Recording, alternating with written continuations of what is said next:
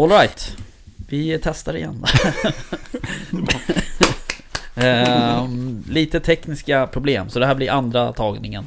Sändningen, inspelningen. Två, ja.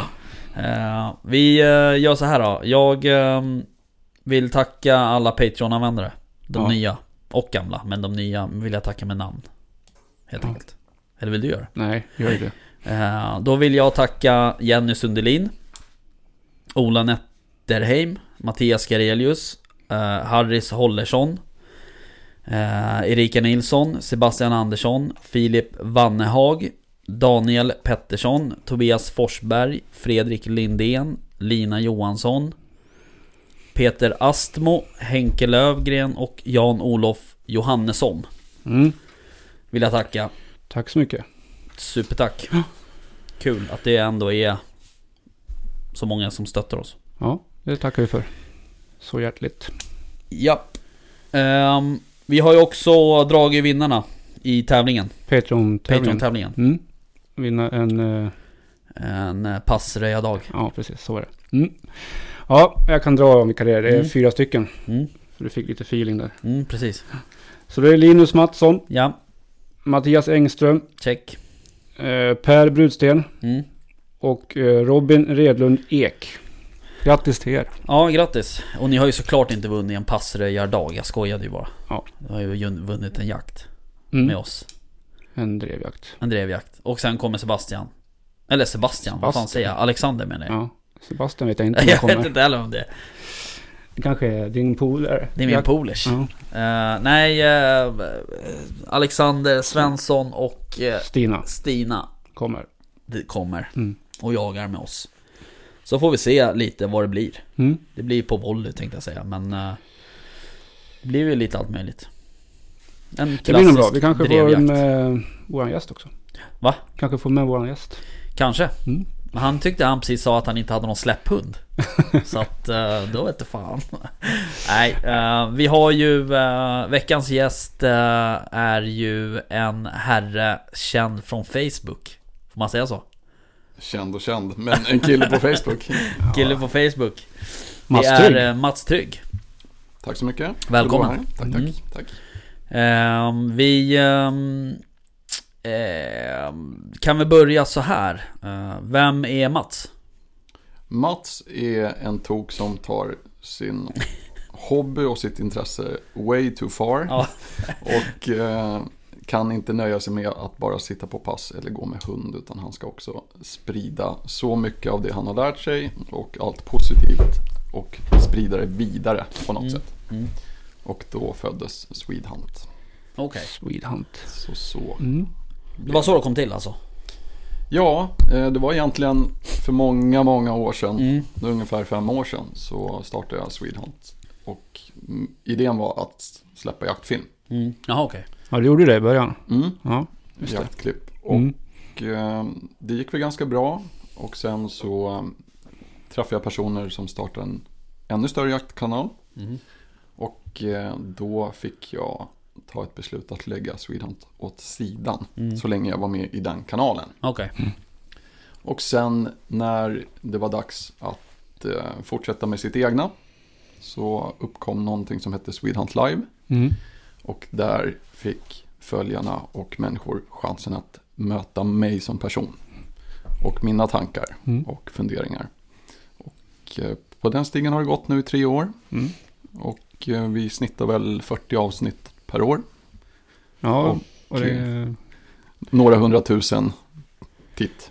Exakt, jag tänkte du säga det. Det är ganska många som följer dig varje onsdag. Ja, det är, det är med varierat resultat men vi brukar väl ligga mellan 1800 till Mm. 3500 pers som kollar Mm. under liven. Då. Med jaktfamiljen. va? Ja, Ja. vi har myntat jaktfamiljen. Det är en liten grupp som alltid följer Ja, men sen precis. får jag ju dela i andra grupper också. Ja. Så det är lite kul. Mm. Hur är statistiken från Facebook? Värdelös. En, en, ända sedan de uppdaterade Facebook så är det helt värdelöst. Okej. Då ska man ha 4K-skärmar för att kunna se hela sidan Jaha. på en gång. Ja. Okej. Men den är bra mot vad liven utger. Så Ja. är det ju ganska effektivt. Hur kommer det sig att du kör liven på Facebook och inte på YouTube eller Det finns ju massa andra så här spel, Twitch och sådär Jag, eh, jag har faktiskt en spelkanal på Twitch. Är det sant? Ja, Ja. Och eh, har hållit på med det ett tag. Men eh, skälet till att det var Facebook var för att jag vill kunna möta unga som gamla Mm. i diskussion. Just för det var det viktigaste. Jag vill Ja. liksom ha en diskussion där vi kan få in erfarna och oerfarna. Och ofta bland eh, Twitch och liknande så hittar vi inte den här riktigt Nej. gam och, vad ska man säga, gamla skaran. Men Ja. de kunniga. Ja. Och det är de jag vill ha med. Ja. Så att de kan skälla på mig när jag säger något fel eller gör någonting. För um, själva chattdelen är väl inte, alltså det, den finns väl heller inte på YouTube på det sättet? Eller? Gör det? Jo, det finns. det gör det, okej. Men det svåra är att bygga in det på ett sånt sätt så att det blir naturligt för folk som tittar. Mm. Och eh, jag kan väl säga så här att Facebook Live är inte enkelt att hålla på med. Nej, Särskilt när man sitter och pratar själv i en timme nej. för sig själv. och försöker få det som ett flytande samtal Ja. med flera tusen pers. nej. Hur mycket förbereder du? Nu ligger jag ungefär i planeringen en och en halv timme före. Ja, det är så. Mm. Men ämnena brukar komma Ja. ganska naturligt. Mm. Men det, är- det, är- det är nog ett större jobb att få hemmet redo för livesändningen. Mm. Alla hundar Ja, och sambo och mat och bra humör. Och, och sen är det kamera och lampor och allting som Ja. alltid åker upp. Då. Ja, för du kör ju också samma tid. Alltså du har ju en tid att passa. Ja, Eh, Det, har, det slipper ju vi. vi. Alltså det hade lika bra kunnat vara klockan nio på morgonen här. Eller klockan Mm. liksom tre på natten. Det spelar ju liksom ingen roll så att säga. ja, Bara vi sänder, eller bara vi spelar in innan klockan sju på, på fredag morgon. ja. Men eh, det är rätt, eh, vad ska jag säga? Det är ett hårt åtagande. Ja, lite Ja. så faktiskt. Eh, Men det är ju, eh, vad fan jag tappar ord. Vad, Men jag vet inte. Du kan... Imponerande. Det är ett, det är ett krä, krävande. Ja. krävande Ja. Och det är väl lite så här att det enda som får ta plats, förutom livesändningen, det är ju eftersök. Ja, Mm. du har ju sett att du har ställt in någon gång. Ja. Din live. På Ja, ja. och det är ju eftersök där jag vet i stort sett att jag behöver vara på plats. Mm. För att det är så stor risk. Mm. Chans, Chans. risk, slash Mm. Att de skjuter. Men det- du, ja. eh, ja. Ja, men de, eh, när du har eftersöksjour där på onsdagar. Är det jakter då? Eller är det, är på eh, en, en, NVR. eh, NVR? NVR är jag inte aktiv i alls. Nej, okej. Och det är för att jag är så extremt mycket mer intresserad av skottpåverkan och sådana Mm. eftersök. Okej. Mm. I och med att hittills har jag ju haft hundar som jag jagar med också. Mm. Mm. Och eh, sen är det också så här att hatten av för alla som håller på med NVR. Men eh, nej, skulle inte funka Det är inget för dig. för mig. Nej. Nej. Och det är rent av intressemässigt. Nej, jag tänkte vi kommer tillbaka till eftersökssnacket Ja, det lär vi göra. Det lär vi Ja. göra. Absolut. Men eh, det jag tänkte på var ju eh, hur du kom in i jakten. Ja. Ehm, det får du gärna berätta. Ja, alltså jag, eh, jag har ju hållit på med fiske en del. Mm. Och flugfiske har ju varit en stor grej. Och sen hade jag turen i högstadiet att ha en träslöjdslärare som heter Hans Åberg. Och nu sa jag faktiskt hela namnet för jag tycker att han ska veta att jag är extremt tacksam över den tid han har lagt ner på den här halvfinnen. Mm. Och ehm, det var, vi var, hade en vad heter det, friluftsdag för särskolan. På skolan som skulle ut och fiska. Och efter det så högg han tag i mig och sa att du, på lördag då är det jakt. Jag vill att du hänger med. Och sen eh, var det en petit, petit griffon som eh, första upptaget. Ja, Då var jag fast. åh fan. Och sen smal det. Och sen, eh, ja. Ja, Jag tror att många känner igen sig. ja. Sen Fan, är jag man får fast. nästan gåshud. Ja. Faktiskt. Nej men alltså det är ju, det är ju fantastiskt. Ja, jag kommer fortfarande ihåg den bocken. Han var blind på ena ögat, hade Mm. två tänder kvar i munnen Ja.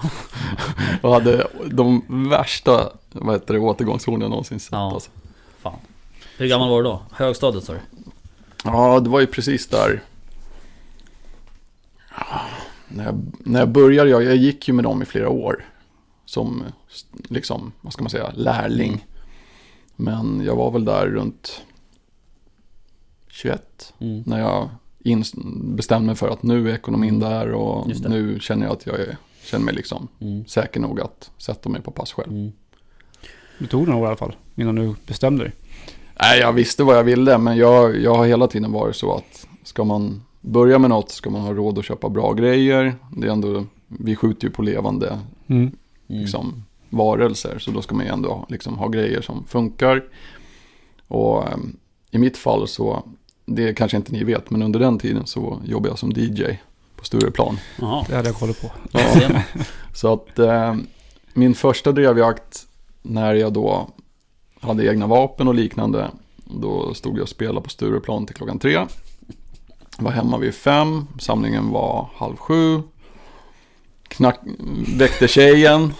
Sa bara att nej, det är ingen idé att jag går och lägger mig. Packade in mig i bilen med en sovsäck och sen låg jag och sov på parkeringen så de fick väcka mig gubbarna när det var dags. Och sen på första såten fick jag skjuta min första Ja, bock. otroligt. Ja. Ja, bra start. Ja, det är coolt. Du, men du, jag tänkte på det där med jaktmentor och sådär som du eh, Som du pratade om och Mm. att man går som lärling liksom sådär. Det är ju en, det är ju en ganska bra grej eh, Mm. tycker jag. Och det, det är ju också något som har kommit lite mer Alltså det har blivit liksom eh, allmänt vedertaget Mm. liksom senaste åren. eh, I och med Ja men Jägarförbundet har jaktkunskap och sådär och ja. eh, Alltså Marcus och sådär. Så att det, det är en bra grej tycker jag. Ja, jag vill ju vifta en liten flagga för Jägarförbundets satsning Mm. på jaktcoach. Mm. Extremt bra. Mm. Och inte bara för att man får en kontakt för jägare som kanske inte har jägare i familjen. Men också att man får träffa människor man kanske aldrig hade träffat förut. Och man får lära sig för att folk är så extremt ödmjuka inför jakt. Vilket de bör vara. Ja. Men det finns ett visst... Låt oss säga att Jägarförbundet jobbar med utveckling av jägarexamen också. Mm. Och eh, någonting som jag vill få in i det här med sociala medier. Konstigt nog, eller hur? Och sen eh, det här att man ska känna sig, ha möjligheter till olika utbildningar. Mm. Så jag vill, jag vill höja en person som heter Chris Edman Mm. på Jägarförbundet. Som har tagit fram, har varit delaktig i att ta fram någonting som heter typ på, vad säger de, jägarexamen 2 eller fortsättning. Mm. De har inte riktigt bestämt sig hur det ska heta då. Men då får du gå med erfarna mentorer. Mm. Och inte bara det här med sky- skytte och vilt utan spår, välja pass, hagelpass och liknande. Passröjning kanske. Passröjning tror jag Mm. absolut, säkerhet och liknande. Mm. Men just det här vara ute i skog och lära sig. Mm. Det tror jag är jättenyttigt. Ja, det är supernyttigt. Det har man ju Ja med. det är det faktiskt. Inte alla som får ha så bra som jag som har varit med från, från barnsben. Med Nej. och vara med i skogen och Nej. lära sig från... Nej, det lär ju vara, alltså rent statistikmässigt lär det vara färre som går den vägen. Ja, det beror på vart man är någonstans kanske. Men... Jo, jo, men I alla fall här i Stockholm. här i. Stockholm så är det hela landet, Ja, ja men... Ja. Och jag menar, jag tror, när jag hade turen att komma med i ett jaktlag, så tror jag, då hade vi ju liksom en sån här kalender som Mm. många andra har, krut.se hette det då. mm. Och då, eh, då så, tror jag att jag hade typ tre till fyra dagar i veckan. Mm. I tre månaders tid Mm. på den marken. Ja. Som jag fortfarande är kvar på. Ja, Och det är inte långt härifrån. nej. Nej. Nej, just det. Det har jag faktiskt varit att jaga. Ja, Mm. En gång. En gång. ja, och det skulle, vi behöver lite korta hundar framöver också. så, ja, trevligt. Så att, ehm, men vi har ju träffats någon annanstans. Du På och jag. Stureplan var det väl? Ja, säkert. Där är också kön på max klockan halv sex. Faktiskt så var eh, du Mats den första som jag fick kontakt med inom jakten här i Stockholm. När jag, när jag flyttade ner hit. Och du jagar fortfarande? Mm, faktiskt. Helt otroligt. Ja, Ja, faktiskt. Ja, men det var ju kul. ja, du Kommer slängde du ihåg varför? ja, ja, jag kommer ihåg, eh, det var på Facebook jag såg det första gången. Du hade lä- slängt ut en blänkare på att du sökte någon passkytt och svarade jag. Och så svarade du och sen så kom det fram att du hade en vaktel. Som, jag var intresserad av, då innan jag skaffade min spaniel. Mm. Så då följde jag med. Men du hade en spanier redan? Ja, då hade jag Ja. en annan spaniel, men hon jagar ju inte då. Nej. Eh, så då var jag med på eh, din spaniel, eller din eh, vaktel. Ja, Sami, numera Sami. blind hemmahund som gör eftersök fortfarande. Mhm. Otroligt. När var det här? Det var några år sedan va? 2005. Det var innan Nisse så det måste vara nästan sju år sedan va? Ja, det, var, ja, det är mer. Ja. Måste det vara. Och det var så roligt för att jag, jag försökte vara så liksom metodisk och berätta hur hunden jobbar och så släppte jag honom och sen tog det väl typ en minut för Ja. upptag och en och en, en och en halv minut totalt från första skallet så låg ju rådjuret. Jaha. Och där stod han och bara, jaha. Var Vad mycket jag lärde mig. Nej, Nej. jag fick inte skjuta då. Nej. Nej. Nej, men det var... Det var väl... Var det i Haninge vi var då? Eller var, Huddinge. Huddinge. Huddinge kommun, ja. ja. Sen var jag med uppe här också en gång. Jajamän. Men då fick jag ju ko och kalv på mig. Men, men det kunde jag inte skjuta. Det var Nej, sil- nej. silhuett. Ja, såklart. Mm. Mm. Nej, så det var spännande. Ja, men det är kul. Kul, kul. Fantastiskt kul. Mm. Så att det, det finns historik. Ja. Världen är mindre än vad Ja. man tror Ja, faktiskt. Jo verkligen. men så är det ju. Det var ju som, eh, vi kom på att vi har bott grannar också. Ja. Eh, ja, innan vi flyttade hus och, och sådär. Vem var det som spelade högst musik hela tiden? Vem var det som var sur på den andra? Ja, faktiskt inte. Jag mötte Rickard någon gång i hissen när han gick ut med sin bössa. Då var jag rätt sur på honom. faktiskt. Vad bra. Medan jag sprang runt handlöst med min Ja, just det. Ja. Ja, nej men eh, det var ju också lite lustigt faktiskt. ja. Eh, Så att det är helt sant, världen är ganska liten. Mm. I alla fall jakt-Sverige. Fram, fra- ja, framförallt jakt-Sverige, Ja. jaktvärlden. Ja. Ja. Det är liten. Och en av de svåraste branscher att faktiskt hålla på med. Ja. Det vi håller på med är bland det krångligaste och svåraste marknaden man kan hålla på med. Mm. Mm. Jo men så är det ju. Eh, och ehm, det är... ehm, alltså det är ju... ehm, det finns väldigt många tyckare och tänkare i den här branschen. Om man Ja. ska kalla det för bransch men... Ja men det svåra det är att jakt är så personligt. Ja.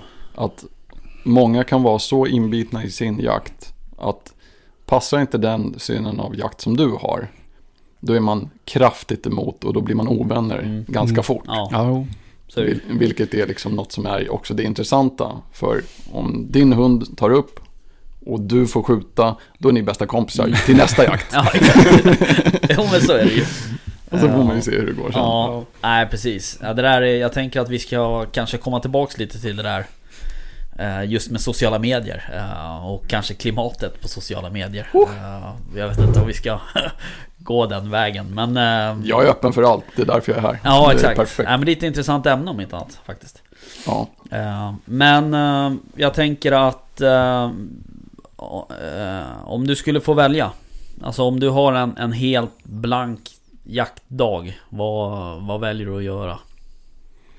Är det pysch eller är det När driv, på året är det? Va? När på året är det? Ja det Du får får, du välja. du får välja. Du får ta eh, fyra olika situationer eller fem då om du vill. Jag, jag kan säga så här, dovhjort rankar jag högt. Ja. Och det är inte bara för att eh, det ofta finns mer hjort och det blir mer för passkyttarna. Men kronhjort med strövhårig forster. Och just en individ, en som sitter hemma just nu. Mm. Det är nog Right. bland det bisarraste jag varit med om. Okej. Det är gåshud fortfarande. Ja. Kul. Han är, lite, han är ju väldigt snabb. Mm. Vilket gör att de som har jagat mycket kron vet ju att de kan ibland springa runt i tätningar ordentligt. Mm. Och sen kommer svarta torpeden från ingenstans och Ja. bara spränger allt och så smäller det åt alla håll. Och så. Fan. Mm. Det är fina minnen. Ja, nej, men det är ju roligt. Men eh, det är alltså... Ja, om man ska summera det så är det kort, eh, korta hundar, drevjakt. Ja, individsanpassat. Isse är en sån här hund som, beroende på hur mycket vilt det finns, Ja, så är det ju liksom antingen 1,2 kilometer Ja, okej. eller 300 meter. ja, Är det mycket vilt då, då kan han släppa. Har Ja. han fått jaga en halv såt och inte hitta något, då kan det ta långt. ja okej. Ja, nej, så Ja, Nu är det många i, i svenska forskarklubben som sitter och bara Ja. "Ugh, Säg inte det där! Bara, oh, oh. Nej men det är ungefär, så är det. ja. Ja, jag ska Ja. inte mörka sanningen. Nej. Nej, det ska man inte göra. Men jag jagar ju in mina hundar på det sättet. Ja. Att de är ensamma i skogen och ofta inte mycket vilt i skogen heller. Mm. Så mina hundar är ju väldigt ofta självgående och biter i när det väl Ja. Blir jakt liksom Ja. i skogen. Men Forster är ju också, det är ju det är ju en bra hund. Alltså en kompis till mig hade ju eh, en Forster. Mm. eh, som också var jävligt vass. Alltså vass i den bemärkelsen att hon var duktig. Mm. Eh, sen kan de ju vara vassa på andra, i andra aspekter också. Men eh, Det är den största, största och klenaste hund jag någonsin ja, träffat lite så. den här. Ja. Ehm, nej men hon var superduktig. Eh, Men... eh, Ja okej. Eh, Men när du säger dovhjort, eh, då är det pyrschjakt eller?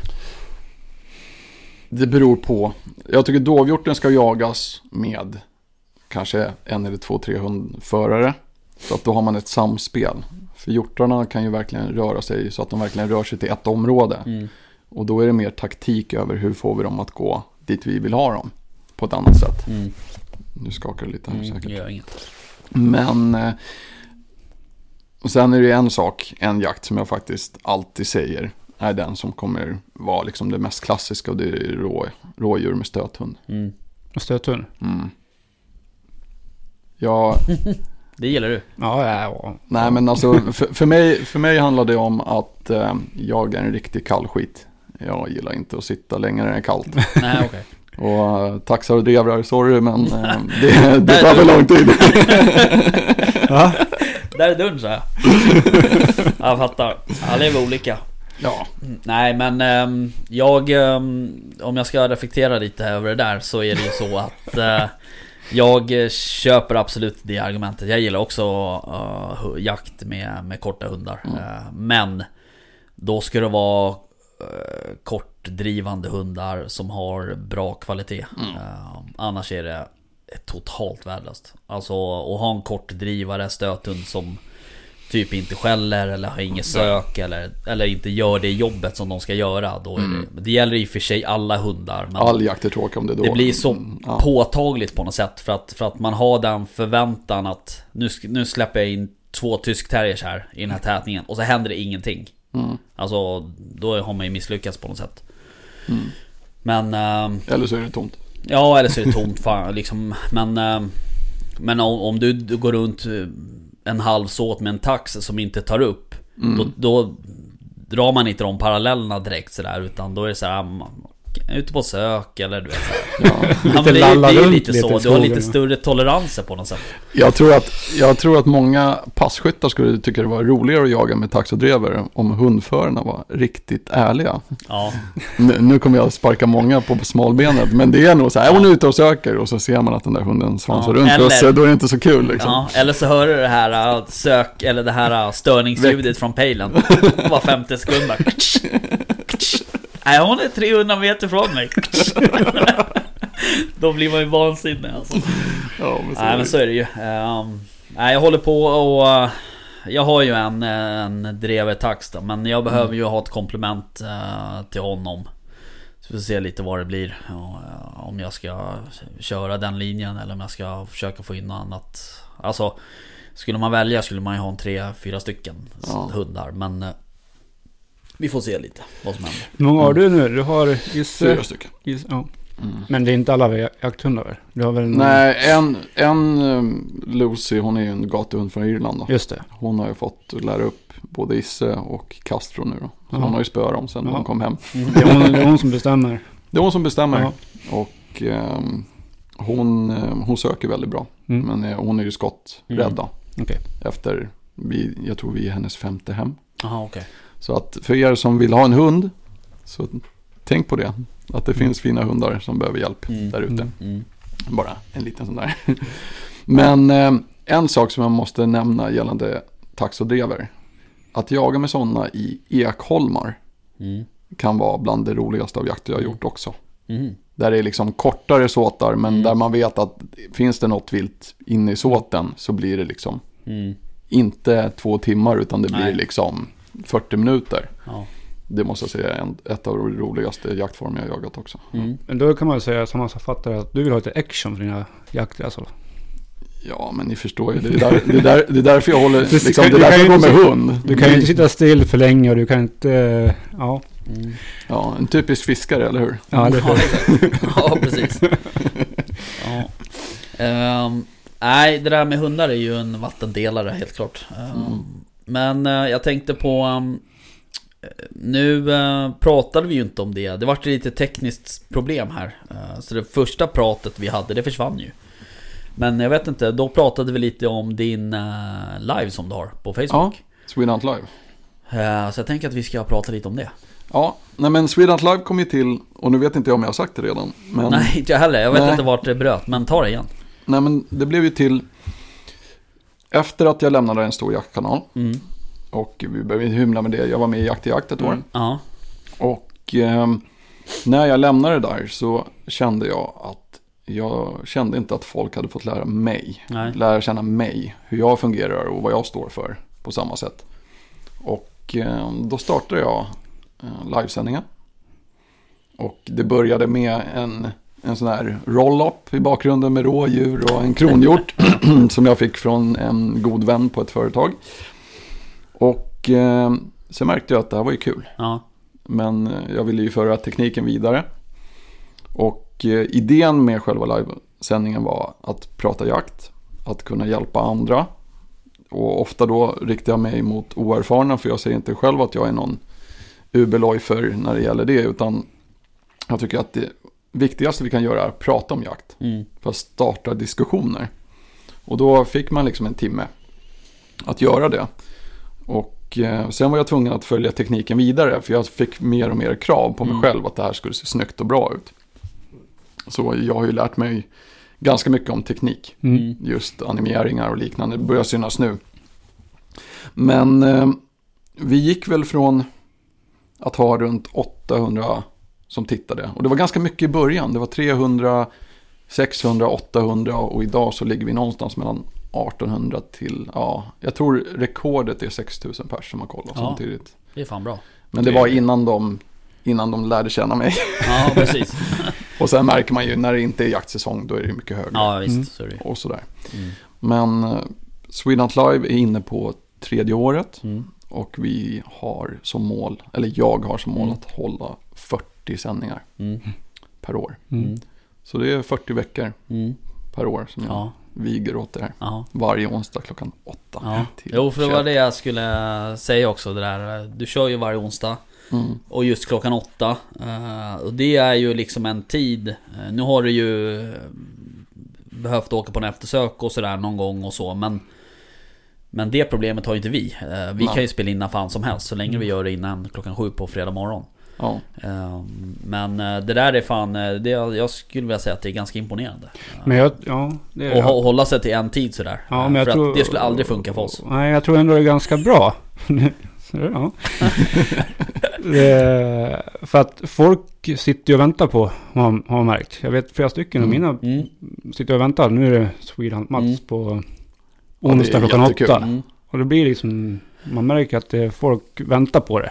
Det är kul när jag får så här sms, när man sitter som mest stressad Ja. fem minuter innan. Du Så bara, Sänder du live idag? Ja. eller du är sen Mats. Ja, Fem minuter över liksom. Då är det, Ja, det, nej, det, det måste jag säga att jag har varit ganska dålig på. Just att hålla exakt åtta. mm. Men det har mycket med att man har ett liv, man har, man har hundar. Mm. Och i det här fallet så har ni ju kanske hört och sett att han Sami som, som Mm. vakten då. Han, ju, han står ju och skallar och bankar på dörren om inte han får komma in. ja. Och ibland glömmer jag honom precis när jag ska starta och så blir det som förra sändningen man hör liksom bara.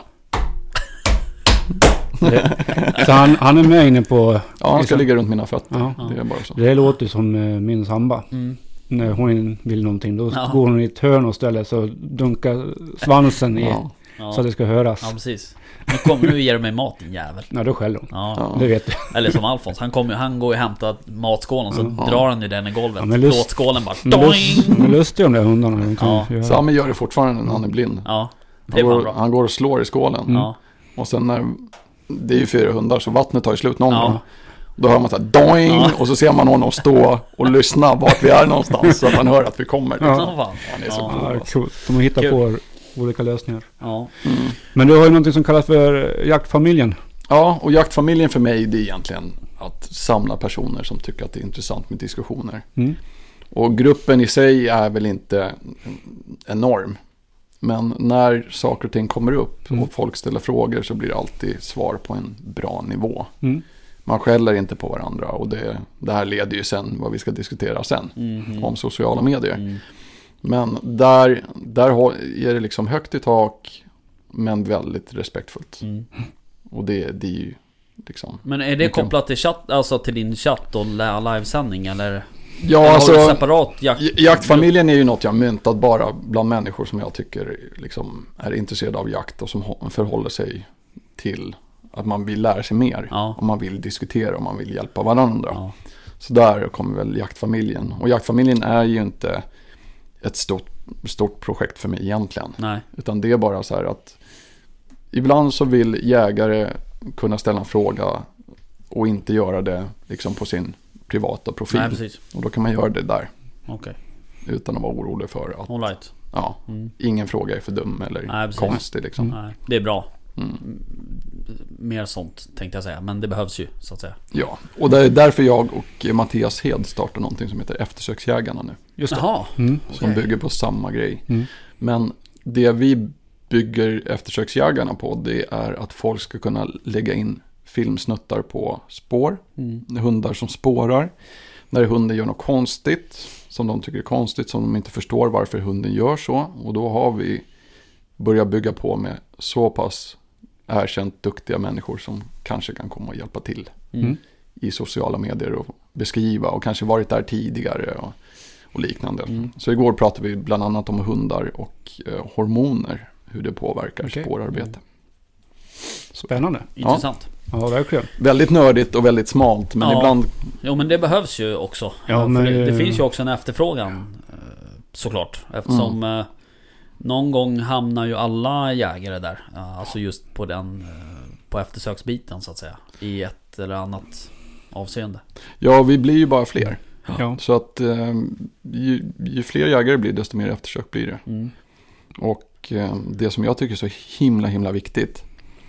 Det är att man, jag kan ju inte bara prata om eftersök hela tiden. Men huvudmålet med just Swedhunt, liksom live, det är att inte använda samma ämnen hela tiden. Nej. Alla som producerar jaktfilm, vi vet, vi som tittare vet vad vi ska förvänta oss varje vecka. Mm. Vilken månad på Mm. året det blir. Mm. Att nu, nu är det råbock och Mm. nu är det här och nu är det här. Och du kan inte jaga djur på många olika sätt. Nej. Och jag är ju inte avis på jaktkanalerna, Lubbe Nej. och Jompen och alla de här Nej. som liksom ska bygga sitt liv runt det här och ha det som företag och liksom inkomst. Det är vilken extrem press Ja. de har på sig. Alltså. Jo absolut. Eh, och där... eh, jag kan ju tycka så här också. Om jag ska gå till mig själv så att säga som... Som gillar det här formatet. Alltså lyssningsplattformen så att säga. Alltså Mm. lyssningsformatet. Eh, för oss är det ju betydligt lättare. Vi sitter ju lite i samma båt som du gör. Vi kan prata om ett ämne i en timme. Det är ju inga problem. Alltså, vi, vi kan prata om, om, om gräsänders färgteckning liksom. Alltså, och så tar vi hit någon jävla forskare som pratar om det här. Och, alltså, helt plötsligt så blir det intressant liksom. Ja. Men eh, det går inte att göra i det formatet. Ehm, så att jag, jag förstår ju vad du menar. Och det, det, ehm, det kan inte vara superenkelt. Det svåra för dem det är ju att, för alla som inte vet det, så för att man ska synas och bli uppmärksammad på till exempel YouTube så ändrar de sina parametrar Mm. hela tiden. Så ibland, en del av året kan det vara så att alla filmer som är precis runt 11 eller under 11 minuter, de kommer få mm, liksom mer, vad ska man säga, de kommer få mer premieras på ett annat Mm. sätt. Om vi säger så då. Och nästa gång så är det 20 minuter. Mm. Och nästa gång är 5 minuter. Och om man ska leva i den branschen och leva på det, då måste man hela tiden följa det. Ja. Hur funkar det liksom? Och det är inte kul. Nej. Nej men sam, det, och det är ju som du säger, man ser ju också nu eh, Just på eh, jaktmedia, alltså tittbar jaktmedia Mm. eh, att, att klippen blir ju mycket, mycket kortare. Mm. Alltså nu är det, nu pratar vi 10, 15, 20 minuter kanske. Mm. Men för ett år sedan, eller för ett och ett halvt år sedan, då var det ju så här, det var en timmes program liksom ungefär. Ja, men sen är det ju få människor som, som faktiskt har tid att lägga ner Ja. arbetet. Vi har ju jaktbloggen, vi har, Mm. vi har jaktpuls, vi Mm. har alla de här som Redmus gör ju lite längre filmer Ja. också.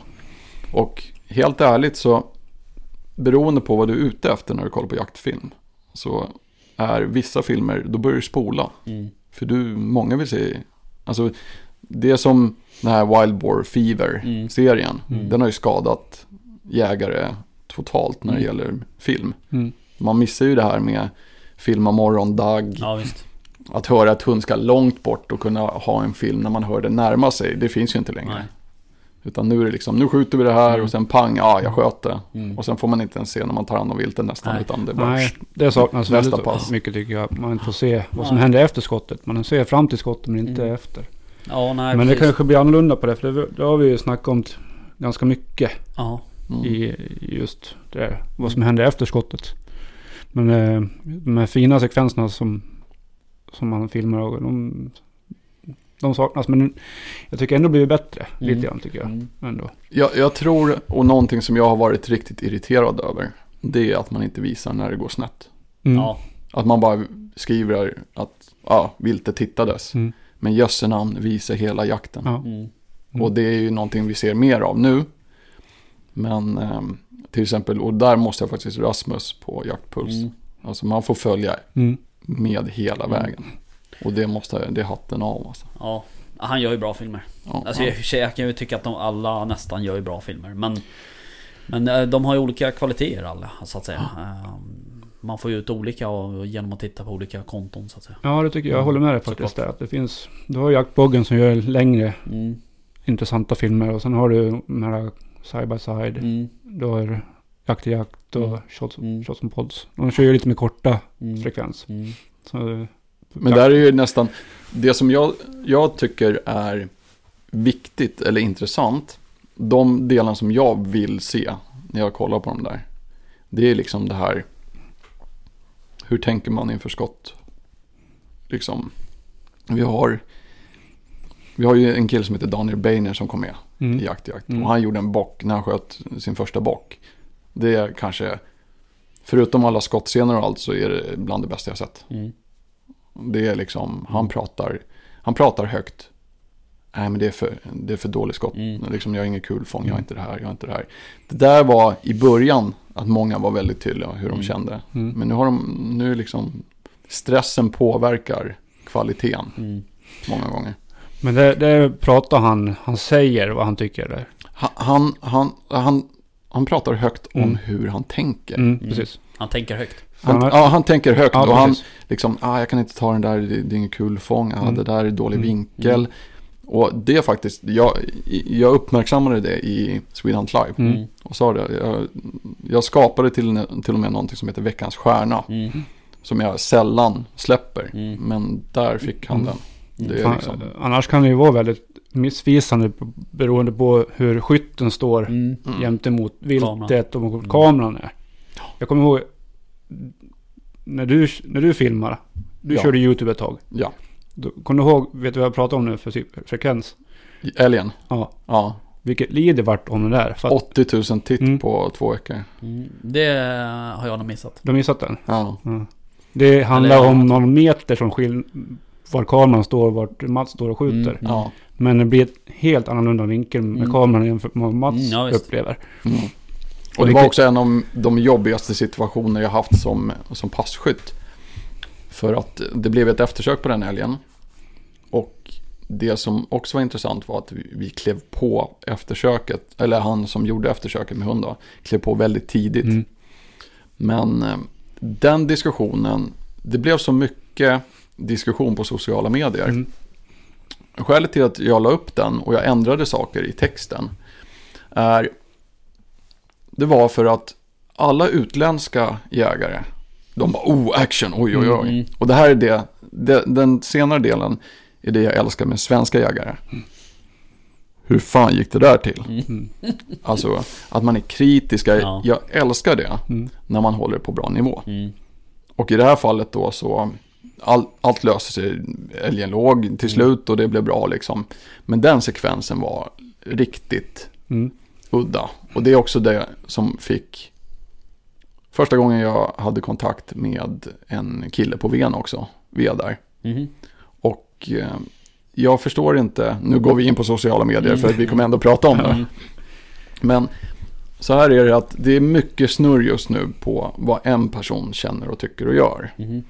Och jag måste bara säga att man måste vara sig själv närmast Mm. till vad man tycker och vad man står för. Mm. Vad man sen för en dis- diskussion om. Är ni med? Mm. Nu, nu blir det kryptiskt och det blir väldigt kryptiskt för jag vill inte, jag vill inte, alla vet vem Magnus Ven är. Ja. Och där är, Nej, Alltså jag ska nog rätta dig där faktiskt. Alla, Alla på vet Facebook inte. vet Ja. vem Magnus Ven är. Ja, då ska, jag, då ska jag rätta mig själv och säga så här. Magnus Ven är en, för mig, min uppfattning om honom, är en sakkunnig person. Som ibland drar till med en egen kryddning av sitt framförande av kritik. Ja. För att skapa diskussion. Ja, Jag tror att det är mer politiskt än så kan jag inte lägga Nej. fram det. Men jag tycker att känsligheten i det man gör och hur man lägger fram är bristerna i diskussionen på den gruppen. mm. Mm. Väldigt politiskt svar. Ja, det gick från äh, skjuten älg till en Facebookgrupp. Ja, men det var, där, det var ju så jag kom in där. Ja, Det var ju så diskussionen började. Jaha, okej. Och min första diskussion med honom, det var att jag var ödmjuk. Mm. För att så här såg det ut. Och alla tror inte på att, nu förstår de, nu, tre år senare, att det kameran ser är inte samma som skytten ser. Nej, precis. Och jag tror att kan man bara bemöta folks kritik med att vara ödmjuk, då tror jag att vi skulle slippa mycket tjafs på sociala medier. Ja, det tror jag också. Ehm, och det är ju en bristvara hos folk. Uh, att vara ödmjuk. Sen kan jag känna så här, när man sitter och läser kommentarer på Facebook. Och nu kanske jag är, är extremt fyrkantig. Men om jag, om, om jag har gjort någonting galet och så lägger man upp det, eller jag kanske inte ens uppfattar att jag har gjort någonting fel. Mm. Men så får man en kommentar så här. Din jävla idiot, vad fan gjorde du det här? Då skulle det, alltså skulle personen säga det till mig i verkligheten Då skulle det smälla direkt liksom Är du med? Den, men då kan man sitta då bakom en dator och skriva det Det är där problemet ligger För att folk på, på, på de här sociala medierna på Facebook så här, De uppför sig inte så som de gör i verkligheten Utan Stämmer, de, de absolut. på Mm, mm. Och gör man det i verkligheten då får det konsekvenser som, inte, som man inte får på Facebook Mm. Det är grundproblemet skulle jag säga Jag, jag säger så här, jag tror att grundproblemet är att vi människor har blivit så himla beroende av att dela med oss av allt vi Ja. gör. För att skulle man inte ha så bråttom med allt så tror jag att man, alltså jag, jag ska ta ett exempel och det är familjemedlemmar, Mm. särskilt om man har blivit förälder tidigt. Man lägger ut hur mycket bilder som helst på barn och liknande som egentligen är så personligt att om något skulle säga någonting så, så tar man illa vid sig direkt. Och man tänker, skulle man se en, en kompis lägga upp samma bild kanske man skulle reagera som den här personen gör som kommenterar Mm. till exempel. Samma sak med jakten. Det är så personligt att, jag menar, jag, jag var tvungen att gå in och kommentera på en, en person som skjuter med skogen som kulfång och skjuter när viltet redan har vänt Mm. och man liksom skjuter efter. Men då måste man ha i åtanke hur har den här personen, vilka mentorer, vilken, hur har man blivit upplärd och allt det här. Sociala medier utgår alltid från hur du själv uppfattar saker. Och det är där problematiken ligger.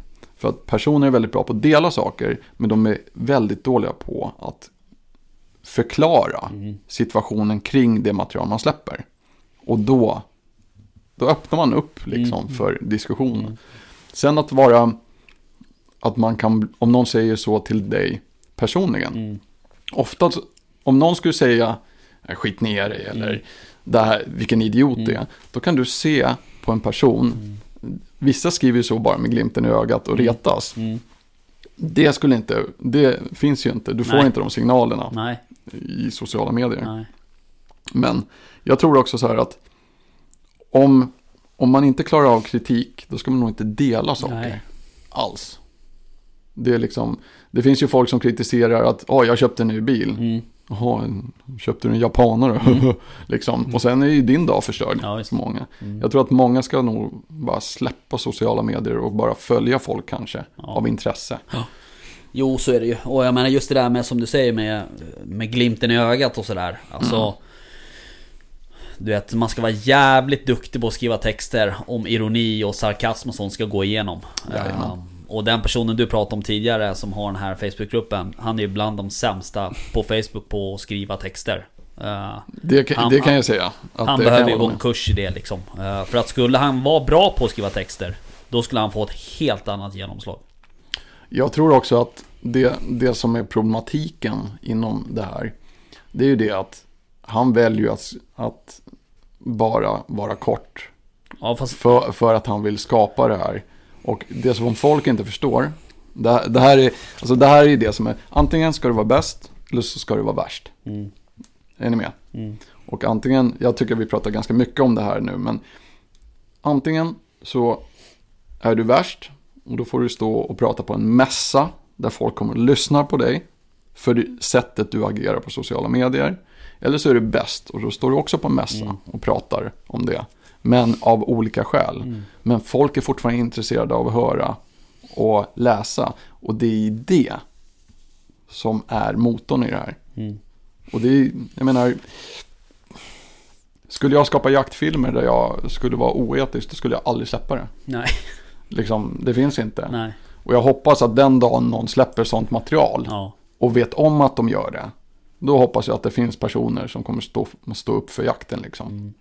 Sen om man gör det som personliga angrepp eller så, det måste man, vi är vuxna människor, vi, man måste vara över en viss ålder för att starta ett konto på Facebook. Mm.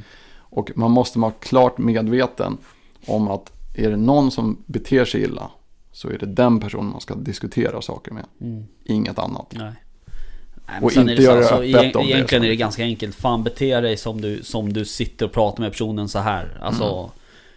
Fan jag kan inte fatta. Jag kan, jag, kan, jag kan inte förstå ibland vissa kommentarer som droppas på Facebook. Alltså jag har fan tappat hakan alltså. Jo, men det som är intressant, det är att folk tänker, liksom, det här finns i alla genrer. Ja. Alltså, det finns polit- politiska linjer där det finns folk som jobbar så här. Mm. Det finns heminredning, det finns hundträning, Mm. det finns simskolekurser, vad vet jag. Men allting finns. Men jakt är så personligt. Ja. Det är så personligt att ibland undrar jag och tänker jag.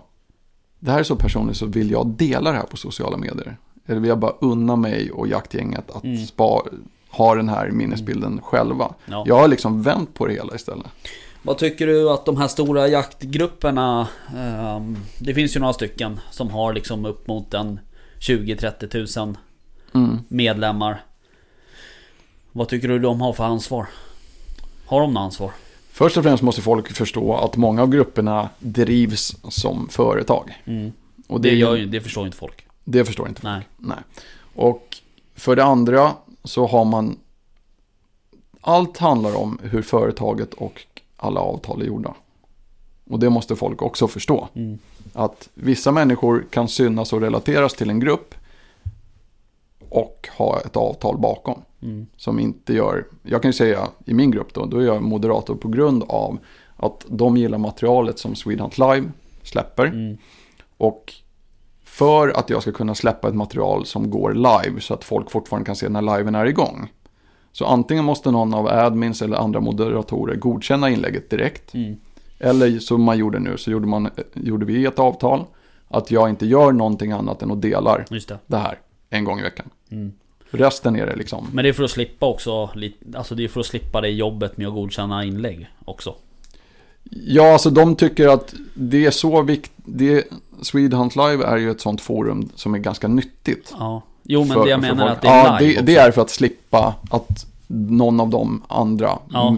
missar att godkänna. Swedhunt Live. mm, Precis Och så är det bara liksom. Mm. Jo precis, men exakt. Och det, ditt, din plattform kräver ju det, eh, så att säga. Eh, Ja. Annars blir det ju inte live. Nej, Ja. och jag, liksom, jag vill ju möta människor direkt. Ja, Och kunna svara på en fråga direkt. det. Och det är det som är roligt att jag kan släppa liven på onsdag. Mm. Och sen så kommenterar folk på lördag. Mm. Exakt. Så att jag sitter och gör efterarbete ibland när det Mm. plingar till. Ja. Att den här personen har ställt en fråga. Då kan jag svara på frågan söndag kväll. Ja. För att jag vill att folk ska känna att, ja. att de blir mötta. Mm. För det är någonting som man inte mm, liksom Ja, får. men det, det är ju viktigt och det, det, är ju- det, är- det märker vi också liksom att, att ju mer man du vet, delar inlägg och ju mer man svarar på kommentarer och alltså ju, ju bättre kontakt får du med dina lyssnare i vårt fall då Ja. eh, och tittare i ditt fall. Eh, Och det är ju det är ju en del av, av liksom arbetet också inom situationstecken att, att, att vara tillgänglig på det sättet. Ja, och det jag måste säga nu, eftersom det är så mycket i sociala medier just nu. Alltså, om... om du väljer att dela material så skapar du någonting som kallas för tillfällig officiell person. För det är ju det du blir. Du blir ju en officiell person direkt när du lägger ut någonting. Mm. Och jag tror att folk glömmer att allting handlar om jakt. Och det är jakten som är skälet till att man är med i en grupp. Och att folk förvränger. De glömmer bort vad som är fint med jakten. Mm. Och de, de, det är viktigare att få en bild på ett fältvilt eller en hund med, liksom, som har lyckats att göra. De glömmer allt omkring. Mm. Och det är det som tyvärr tycker jag att sociala medier förstör Mm. många gånger. Mm. Liksom. Och då vill jag också eh, lyfta hatten för Sundell Hunting. Mm. Vilken kille att göra Mm. stämningsfulla filmer. Mm. Yes. Faktiskt. Applåder. Ja. Eh, och han är också nominerad i årets jakt, eh, eller årets vad heter det, Mediaprofil. mediaprofil Mm, på ja. Jaktgalan. Mm. Mm. Eh, men, eh, nej jag håller med. Riktigt bra filmer. Men en, en annan grej med Sundell. Mm. Så hade han släppt en låt. Mm. Han sjöng om sin hund som han fick ta bort nu. Ja, är det någon som har liksom, Ja, jag har jag, såg att det där flashade förbi men jag har inte hunnit lyssna på låten. Ja, jag har lyssnat på den. Jag har inte hjärta att lyssna på det. Nej, det var väl lite så jag Mm. känt också. Ja, jag har, jag har kan inte sitta och den, grina ja. på jobbet liksom. att, eh, ja, nej precis. Det var lite... Man fick lite tårar i ögonen. Ja, det var så. Ja. Mm. Men tanke- man vet ju vem Leo är också. Mm. Man, man tittar på hans filmer Ja, och precis. deras uh, samspel med Mm. jakt och vad de har upplevt tillsammans. Och så Mm. gör den här låten. Så det blir väldigt Mm. känslomässigt. Mm. För att ja, man känner ju dem på något vis. När man har sett hans filmer liksom. Mm. Nej, den, var, den var riktigt fin. Ja. Och han, eh, David, har ju en bra syn på jakt också tycker jag. Mm. Jag, jag, jag, blev bara tagen av det stor, storheten av att orka göra det. Ja. Och, Mm. och dela med sig av sig själv Ja, som han gjorde faktiskt. med den här låten. Ja. Det, är, Ja, det är stort. det hittar man inte Nej. överallt kanske. Nej. Nej, precis. Ja, det kan vi lyssna på. Har ni fått några frågor då? Ja, Ni det delar har ju vi här. fått. Ska vi gå över på frågestund? Jag tänkte att vi försöker vara lite mer, det var väldigt synkt. Jag kände mig som en sån här lite Tegnell som bara, nej men handskar på och Ja, ansiktsmask på och sprita händerna. Och Fan, eh, jag blir liksom tråkig gubbe liksom, jag är inte riktigt tråkig. Nej, för fan. eh, vet ni... ehm, Vad är det nu då? Vet ni vad klockan är? nej, ingenting. ingenting. Har du, har du inte Eh, spelat in nu eller? Jo. Kan du komma imorgon? Eh, jag har fått... eh, Världens det, det jobbigaste känns fråga. som att den här frågan... eh, den är Kör, personlig. kör. Är du lite så generad nu? Och jag tror att du, du får gissa Ja, vem det Du är? kan få jaha. gissa. Okej, jag vet. eh, vem som har ställt den. Men den här personen eh, Jag vet undrar hur många gånger har Mats sett E-Type live? Det är Åke som skriver det. Och eftersom jag har varit Stureplans eh, arbetande så kan jag säga att eh, knappt så många gånger som Åke lyssnar på hans låtar i bil hela tiden. Men jag har väl sett E-Type live mer än 20 gånger tror jag. Åh fan. Och eh, ibland eh, även när han inte skulle ha eh, en uppvisning. Ah, okej. Utan på fyllan så har han tagit en mick och kört stenhårt. Så att, ja. Ja, Men då måste vi ju höra Jagar vilken som är E-Type? fa- Ja, det gör han väl. jag vet inte. han har, han har i alla fall en restaurang med eh, vilt. Ja, Ja, han har ju en sån här vikinga... vikingarestaurang. Ja, så att eh, någonstans där så tror jag. Men jag kan inte ärligt säga om jag vet. Vi kanske ska ta hit honom. Prata vilt. Mat. Vikingamat. Vikingamat? Ja. Men en favoritlåt då, när ändå pratar om E-Type. Vadå, lyssnar du på E-Type? På riktigt? Nej, det här är någonting som Åke, Åke hade E-Type i ett av sina klipp. Och varje gång han loggar in på Swedans Live, då blir det E-Type Åke. Okej. Och sen, nu skulle han ge igen. Ja, vad ska man säga? Vi, vi släpper den, jag tycker det är best, best of albumet snurrar hett Ja, där hemma hos Det har vi Åke. förstått. Och så Åke, ja, precis. Mm. Har du fått några frågor? Ja, men alltså massa eftersöksfrågor och så. Men Ja, eh, det kan Det vi går bra. Det går bra. vi, vi tar väl det som ett eget, tänker jag. Ja, precis. Jag fick en fråga som jag kan. Mm. Eh, vad ser du, vad är jakt för dig? Mm. Och det är riktigt så här grundskolefråga. Mm. Men sen också, vart ser du dig själv med jakten om fem år? Mm. Tänkte jag ta. Och jakten för mig handlar helt och hållet om samspel. Inget annat. Nej. Alltså även om man pyschar så är det samspel mellan dig och jobbet du lägger ner med ditt instrument, Mm. vapen, optik och allting. Och sen är det också ett samspel med naturen. Som jag tror att många glömmer bort. Mm. Många som tycker att det är kul att skjuta vilt har ju liksom missat Ja. det här. Och de som följer mig, kanske på Instagram eller någonting, de vet att jag, när det är dags för bockjakt, då har jag varit ute och, och liksom, jag vet var bockarna har daglegor, vart de, vem som brölar på olika sätt.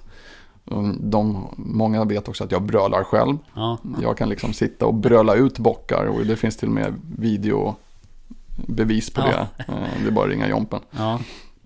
Och sen ehm, tror jag att man glömmer också det här med efter, när man tar ur vilt och liknande, så försöker jag alltid förutom självklart vildsvin och sådär, att lägga ut så mycket i naturen som möjligt. Mm.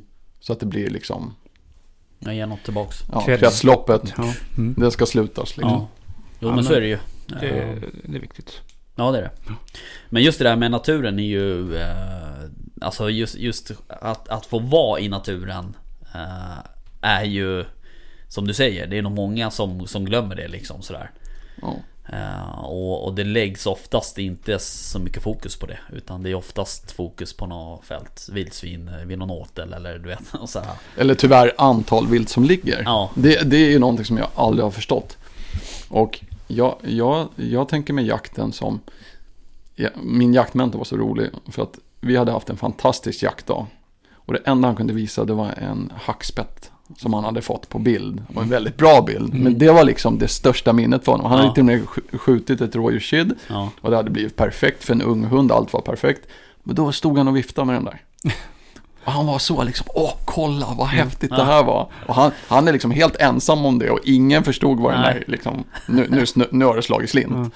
Men det är ju också där, ja, de där små detaljerna, den där extra kryddan, strösslet på glassen som heter jakt, det är ju det som folk ja missar tyvärr. Nej men det har du nog helt rätt i Men sen det här med fem år, Ja. jag tänkte det. Just det Många frågar ju liksom, många undrar liksom, vad ska du göra med Swedhunt? Och vad, varför jobbar du med det här och inte jobbar heltid? mm. Jag jobbar just nu med att utveckla produkter inom Mm. jakt. Mm. Eh, Bland annat en, en lifeline har ni redan sett att det har släppts. Och det kommer andra produkter och kanske till och med plagg i Mm. framtiden där jag har varit aktiv i. Så att eh, jag vill likt Swedhunt Live utveckla Mm. och eh, brinner för produktutveckling Mm. inom jakt. Spännande. Men Yes. eh, när vi ändå pratar om, om jobb där. Vad jobbar du med annars? Jag jobbar inom säkerhet. Det, Tutto det, benne finito. Okej, det var det. Det, Jag är får, jag får inte prata mer om det. det, var, det är lite hemligt. Punkt. Ja. Nästa fråga. Ehm, ja, okej. Okay. Sen var det ehm, Anders eh, som undrade hur du kom fram, hur du kom på idén till Swedhunt Live. Mm. Eh, men det har vi ju redan Det har vi pratat om. pratat om kanske. Ja, jag kan ju säga så Eller här. vi, vi, i, Vad fan skulle jag säga? Eh, jo, det jag skulle säga var att eh, eh, Det sa vi aldrig tror jag, men du började ju att göra jaktklipp på YouTube, var det så? Jag började med jaktklipp, Mm. eh, gick med i Jakt i Jakt. Just det. Och skälet när jag lämnade Jakt i Jakt så ville inte jag att min min tid efter Jakt i Jakt skulle vara som det var för Lubbe. För Lubbe bara försvann Mm. Mm. och ingen visste någonting. Nej. Och då ville jag på det sättet fortsätta lite vad jag ville få fram i Jakt i Jakt. Det här med kunskap och tips och tricks och liknande så. Och då tyckte jag att varför inte skapa ett levande media där folk faktiskt kan ställa direkta frågor. Mm. Och där startade Mm. Swedhunt Live. Men då måste jag fråga, varför slutar du med jakt jakt? Det är eh, personliga saker som ibland knakar det och ibland funkar.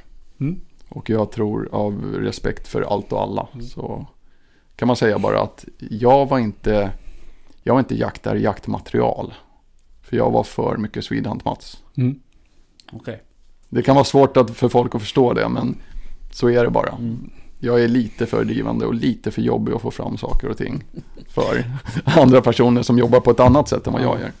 Men du, en annan fråga, en kanske mer teknisk fråga. Men när du kom på idén att du ville köra live. Ja, Hur kom det sig att du började på Facebook och inte på YouTube eller något annat?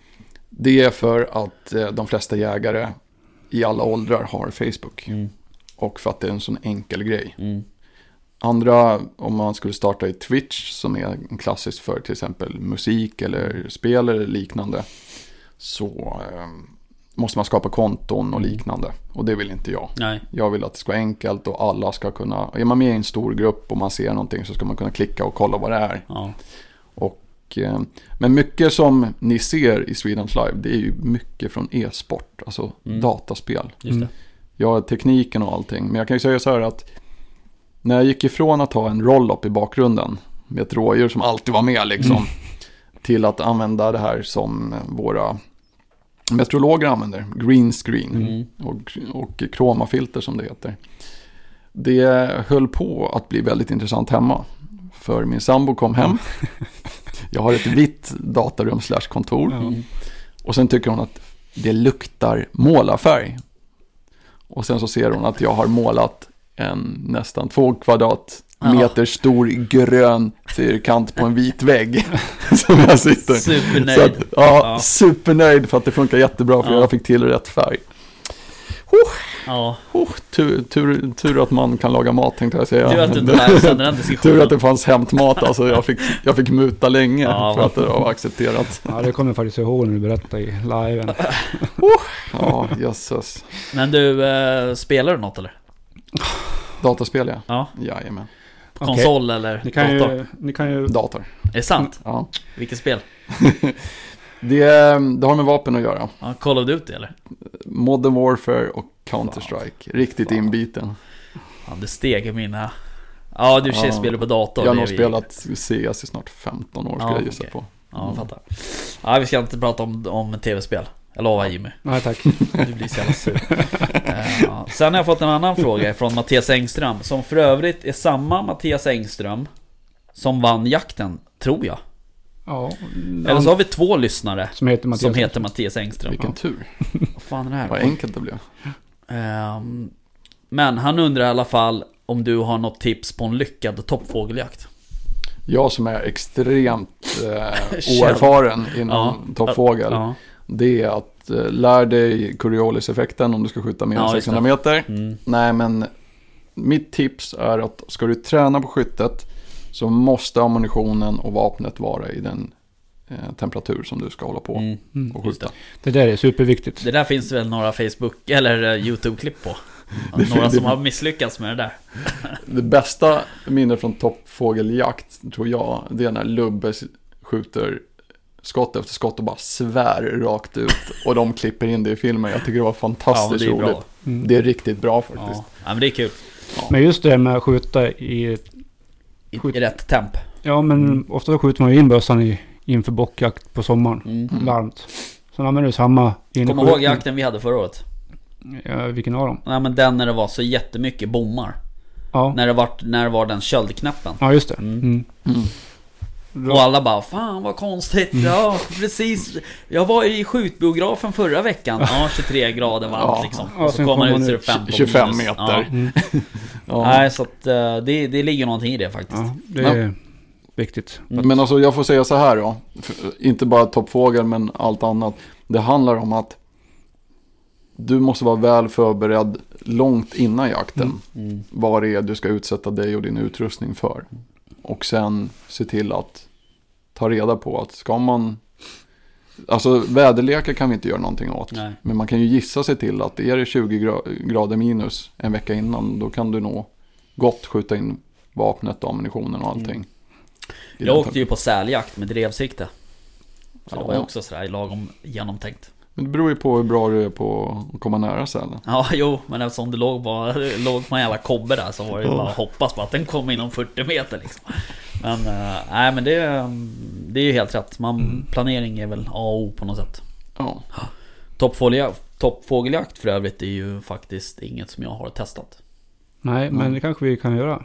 Det kanske vi kan göra. Och sen säkerhetstänket måste jag bara säga. Eftersom det är en av de få jakter som vi faktiskt Ja, Skjuter uppåt. skickar iväg. skjuter uppåt, ja. ja. ja. Så är det ju absolut. Ehm, nej men det vore ju svinkul att testa. Faktiskt. Ehm, Jag kan stå och laga mat när ni är ute i kylan. Så Ja. kan jag. ja, det är bra. Låter Det är som en bra plan. Ja. Ja. Eh, nej men... ehm, eh, en annan fråga som du har fått mycket Jimmy, det var ju det här med ehm, Eftersök. eftersök. Mm. Och ehm, om eh, vi ska prata lite om eftersök Det låter bra. så tänkte jag om du skulle kunna typ lista lite tips på hur man eh, lyckas eller hur man, vad man ska eh, leta efter hos en hund eller... Det första och det viktigaste, som om du ska göra ett eftersök, lita aldrig på skytten. Nej. Nej. Lita aldrig på skytten. Nej. Det är, och sen är det så här att om du ska göra ett eftersök med en hund som jagar, som inte har fått en grundlig utbildning i spår, så att du vet vad du håller på med, kan du aldrig ställa för höga krav på din hund. Det är det viktiga. Sen, sen är det än en gång utrustning. Utrustning, ha rätt utrustning och det, då menar jag att ska du stå i mörker med en, med en pannlampa och försöka skjuta, försök att göra det på en skjutvall Mm. först. Innan ja. Rätt utrustning. Testa på allt du ska ha med dig i skogen Mm. innan du åker ut. Och sen en klassiker, lita på hunden. Mm. Har du satt ett arbete, och då menar inte jag 15 spår under valpens första halvår och senare i tid, liksom ett år, ja vi kör ett spår i veckan, då kan du inte kräva att hunden ska klura ut ett, en, en hjort i en grupp Nej. Som är skadad. Du måste utsätta hunden för sådana tester för att kunna säga att hunden klarar av det. Mm. Ja precis. Och sen så är det också så här ödmjukhet. Om du har en hund som inte ställer vildsvin eller går efter vildsvin. Då kan du, självklart om hunden spårar, absolut. Mm. Men vet du att det kan komma ett sånt läge att du måste ha en släpphund som ska jobba med den här grisen. Se till att lösa det innan du går ut i skogen. Så att du är ödmjuk nog att göra. För det är, oj oj oj, Mm. vad mycket djur jag har fått gå efter som man har haft en hund som gillar att spåra men som inte Mm. Mm. klarar hela grejen. Nej. Men hur lägger du upp din eftersök? Har du släpp på spårhund eller? Jag, jag har släpp, Isse släpper jag ju på, på dov och Ja. rå. Och han är ju lite udda. Jag har ju sett honom, Det är Forsten? Forsten. Mm. Han, han biter inte gällon. Men han slår ner dem. Mhm. Han tänker att någon, precis när ni lyfter ena benet så är det någon som kommer med en bandyklubba och svingar. Så att, de, så att man hinner i kapp. Mm. Sen hade jag ju självklart hoppats att han kanske kunde ha avslutat lida, lidandet snabbare. Mm. Men jag gör faktiskt mest eftersök på dov och rådjur. Och då är det... Förarbetet är att kunna jobba med hunden i spår och lina så länge som möjligt. Särskilt rådjur. Första legan, det är liksom där har du din bästa chans. Mm. Och sen dovhjortar är... Jag älskar att göra eftersök på dovhjort för att man, man slutar aldrig att bli förvånad hur Nej. hårda de är. De är lite speciella. Och jag, många gånger så gör jag så här att jag, jag lämnar hunden i skogen. Och när jag känner att han börjar bli het, då, då smyger jag fram själv. Och det är många som bara, varför det? Och så här. Men man kan få, med en hjort som går upp och ställer sig och tittar vad det är för något som kommer. Ja. Så det är kanske den bästa chansen du får Mm. att ta det liksom. Så att det är någonting som jag, som, som tips liksom, att utsätt inte hunden för någonting som du inte har utsatt hunden för tidigare. För det kravet är helt overkligt. Det är inte läge att börja testa nya grejer kanske. Nej, och gör inte eftersök för att utbilda hunden. Nej. Utan se till att hunden har en utbildning så att du ska klara liksom. Sen är det ju skottplatsen är ju A och O. Jag kan till exempel i dagsläget när jag har en hund som är snart åtta månader. Ser jag av erfarenhet att det här djuret ligger nog. Alltså till 99,9 Mm. procent. Då kan jag tänka mig att använda unghunden i spårning. Mm. Men inte, om jag ser någonting eller känner någonting, hittar en lega. Då är det bara att stanna direkt och, och tänka om. Mm. Ja, men det handlar ju också om ett samspel mellan hund och, och förare liksom så att säga. För att du tar ju in andra intryck eh, än vad hunden gör. Hunden Mm. har ju sitt som den baserar sina liksom, eh, slutsatser på. Men om du kanske ser att det är lungblod långt upp på en, en björkstam. Det är ingenting som hunden tänker på så att säga. Utan det är ju något som du drar paralleller till så att säga. Ja, men ofta märker du på hunden. huruvida det är. Alltså, och problematiken som många har, det är att de får hetsiga hundar i spåret. Mm.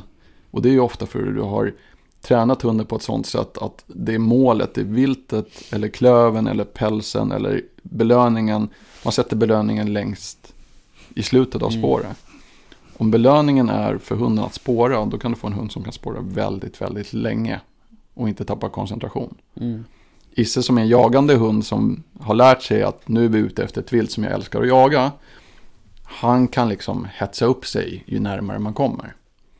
Sen har jag ju tur med honom ibland att när vi vet att ett vilt har gått upp någonstans. Då brukar jag, och nu kommer många spår, eftersöksjägare, bara uh, uh, inte släppa spåret. Men när man har en stående fågelhund som står för allt vilt, särskilt skadat vilt. Det är många eftersök som jag har klivit på i vind och då han bara stelnar till. Mm. Och då tar jag kopplet, ställer mig på kopplet och börjar titta. Och många gånger har jag skjutit vilt i svårlägen. Ja. På grund av att han har den erfarenheten liksom. Ja. Han markerar stående. Han står. Mm. Alltså jag kan inte flytta på honom. Nej. Nej. Exakt har- så där han- var min mönsterländer också. Ja, Han markerar ju för dig att här är det.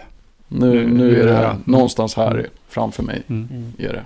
Ja för det, det där är ju helt otroligt. Hon kunde ju stå och glosa bara rakt ner i en, en vassrugg typ eller någonting. Mm. Man bara, vad fan, vad, gl- vad glor du på? Och sen så tar man ett steg fram, då reser ju sig någon liten gris eller ett Mm. rådjur eller liksom sådär. Mm. Ehm, så att det där är ju... Däremot är det ju beteendet är ju nog... Alltså... Det måste man vara ganska medveten om för att, för att lära sig och läsa av. Men det är en träningssak. Ja, Nej, men men, alltså, men som det, är, det är en är träningssak att veta hur de arbetar. Ja, ju, Ja, mer, ju mer du tränar med hunden desto Mm. lättare är det för dig att Mm. förstå. Men sen är det också så här att som eftersöksjägare, gör du fel så är det bara i stort sett du som kan rätta till problemet. Mm. Är ni med? En Mm. skytt som ju har otur eller tänker fel, då är det oftast en eftersöksjägare som kommer att ta efter. Men om du tar ett felaktigt beslut i eftersöket, och det här är, så här klassar jag eftersöksjägare, spårare och sen eftersöksjägare. Alla kan nog spåra upp ett vilt med en någorlunda tränad hund. Men eftersöksjägaren, det är den här idioten som är så idiotiskt intresserad av att förkorta lidande att man inte ger upp. Nej. Som liksom som går och lägger sig i bilen och väntar in, matar hunden, vattnar upp hunden, håller bilen varm. Och väntar in lite för att vänta in viltet och kanske ta en till lega om man har tur. Mm, mm. Men det, det är en eftersöksjägare som inte ger upp. Nej. Mm. Det är liksom den stora skillnaden. På om man gör det här på riktigt eller om man gör det av att det är liksom spåret vilt som har blivit påskjuten på jakten. Liksom. Ja. Vad är det som får dig att driva, eh, ditt, ditt driv för eftersök? Vad är det som, vad, vad är det som gör att du blir så engagerad i eftersök? Jag, jag tror att det har med min personlighet att göra. Och det har att göra med, som när jag idrottade mycket. Mm. Och jag idrottade ju liksom extremt mycket som ung. Inte för att det syns nu på liksom, de, de små musklerna man hade på magen. Det är ju liksom, det är, det är värmebatteri nu. Men det var, jag var ju nästan alltid målvakt. I hockey och i fotboll. Och ganska liksom. Och det var, det var någonting med den delen. Och nu, nu ska jag inte säga, det här är inte en egotripp.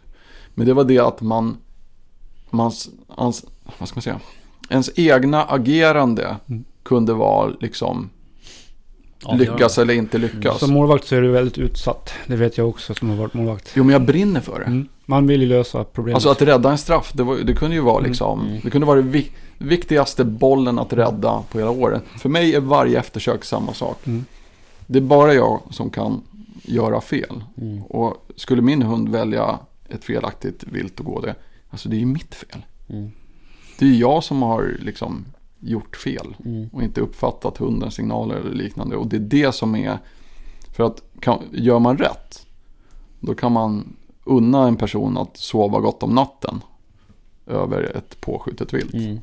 Och det och självklart viltets lidande liksom. Mm. Så där har ni nog min syn på det hela. Mm. För att ni, alltså vad ska jag säga, är, jag är tacksam att jag har en sambo som orkar med mig. Mm. Liksom klockan tre på natten. Och då är det jaktliga eftersök alltså. Ja visst. Som andra hund eller som andra ekipage. Vi får det inte att funka. Kan du komma imorgon bitti? Nej, jag kommer nu. För jag vet inte. Bula har en väldigt bra förståelse för att göra eftersök i mörker. Mm. Mm. Och han, han säger att att han uppfattar viltet som lugnare.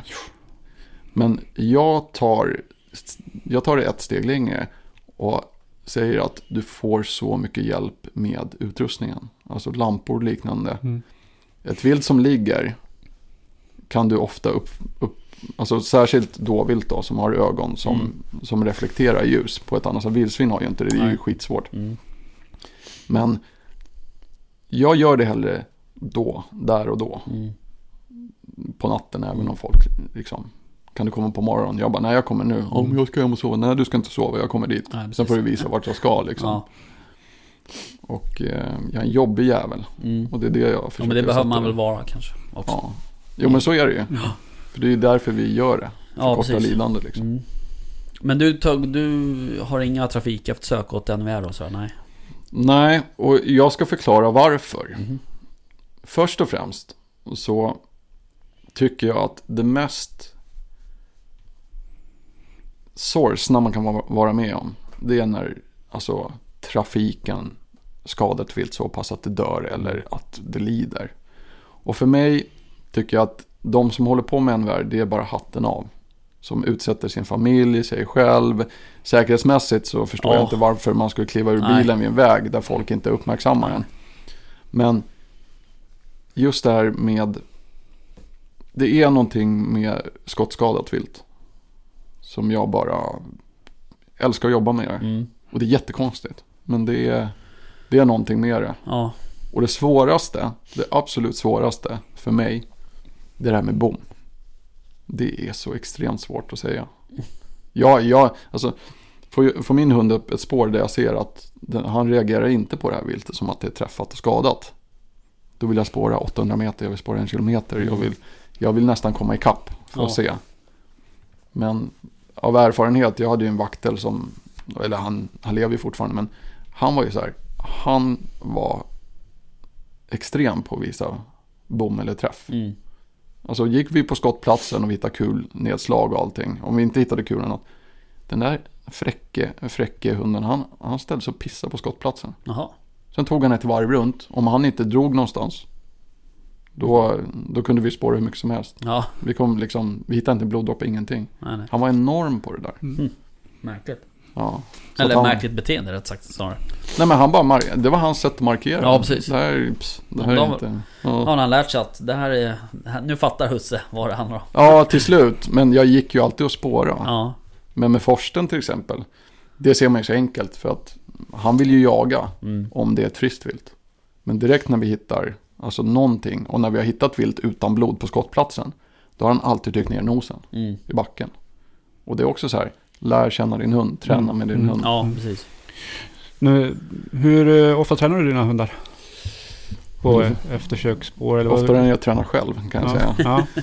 Nej men just nu när jag har klivit in i Schweizsundsklubben. Mm. Alltså med den här bajraren. Mm. Så är det väl, jag skulle, väl, jag skulle ljuga om jag inte sa att jag lägger typ tre till fyra spår i veckan. Mm. Och det är dåligt. Alltså det tycker jag själv är dåligt. Mm. Men jag har en hund som växer Mm. och jag, jag vill att han ska ha my- vi ska, vi ska ju träna på mycket annat också. Men det, är, det ska vara kul varje gång. Och om jag lägger så mycket spår att jag inte tycker att det här, fan, gör det här igen. Då kommer hunden ta efter. Ja. Så att jag måste liksom jobba med det också. Hur gammal är hunden? Åtta månader den 12 december blir. Jag såg honom, den valpen du har, den såg jag i somras måste det ha varit. Ja. Mm. Innan, innan du fick hem den Mm. faktiskt. När han var en liten skit, minst Mm. i kullen var. Ja. Jag var, Hur kommer det sig? jag var upp till eh, hans... Eh, Harbacken-skannaren. Mhm. och körde viltspår med Jaha, var det mina där? hundar. Mm. Okej. Mm. Då visste jag inte om det, men nu så Ja. fick jag reda på att det var Ja, okej, okej. Mm. så. Men nu, det var en parentes bara. Mm. Men eh, Vi fattade det. Ja. Hur tränar du hunden då? Och hur, hur lägger du upp spåren? Olika, jämt. Mm. Alltid olika. Så att det inte blir samma spår. Mm. Men alltså spårträning, det handlar ju inte bara om att gå ett spår från start till slut. Utan i vissa fall så har jag gjort alltså markering. Markering är så extremt viktigt. I alla fall när man håller på med de här hundarna. Och det är inte bara för proven utan det är så här att om du har ett redskap som en hundnos med dig och hunden påvisar bloddroppar, benbitar och hår. Mm. Då har du ju liksom, du har ju världens bästa, det är som en metalldetektor på en strand. Mm. Det bara pip, pip, pip och så är du där. Och det som vi tränar mycket på, det är ju markering. Och reagera på olika sätt. Och jag pratade om det i liven igår. Om att han har ju hormoner nu. Mm. Nu, nu har dankarna klockat ner och nu börjar det liksom, nu börjar andra hundars kiss och allting Mm. vara mycket intressantare. Och hans arbetssätt har blivit ganska flamsigt i spåret. Och det är ju liksom, många förstår ju inte vad det är som händer där. Nej. Och första gången då var jag liksom så oj vilken dålig dag han har. Mm. Vi avslutar nu och låter Mm. det där vara. Men sen eh, för, förstår man ju ganska fort vad det är det handlar om. Och det är bara av erfarenhet. Det är därför man helst ska prata med andra och fråga. Och eh, det jag gjorde det var att jag hade, när jag tar delar av ett vilt som jag ska göra eftersök, liksom träna på. Då tar jag en klöv, gjorde jag förr, nu tar jag päls. Mm. Bara för att pälsen är, det funkar också. Eh, mage och rygg släpper ju mer hårkortisol än andra delar. Och nu behöver vi inte gå in på det. Men den delen är i alla fall det som ofta lägger spåret som hunden spårar. Mm. Det kommer starkast därifrån. Och i det här fallet då när han inte är så intresserad. Han, han flänger som en slalomåkare liksom spåret. Han vet, man kan se att han hittar spårkärnan. Och så, så väljer han att ändå gå och lukta Mm. på något annat. Fast han har det som han borde eftersöka. Så det, då lägger jag små, små köttbitar av det här viltet som luktar och är liksom samma individ i spåret. Mm. Men där har jag gjort markeringar för mig själv Mm. vart de här bitarna är. Och då ser jag direkt hur han reagerar på det. Så ett, jag lär mig hur hunden reagerar på små bitar. Och jag fick lite kritik från en person igår. Ja, men om han lär sig att äta ur spåret, Mm. var, hur ska jag göra det här? Och då säger jag det, först och främst så är jag säker på att jag och min hund kommer att klara av att gå ifrån det. För nästa gång, då kommer han få belöning i form av någonting när han hittar en blodsdroppe. Mm. Så att det jag gjorde nu, det är att bara skapa hans intresse att komma tillbaka till spårkärnan. Och varför är det så viktigt med spårkärnan? För att den kan ju vara två meter ifrån en hund och fortfarande hitta viltet.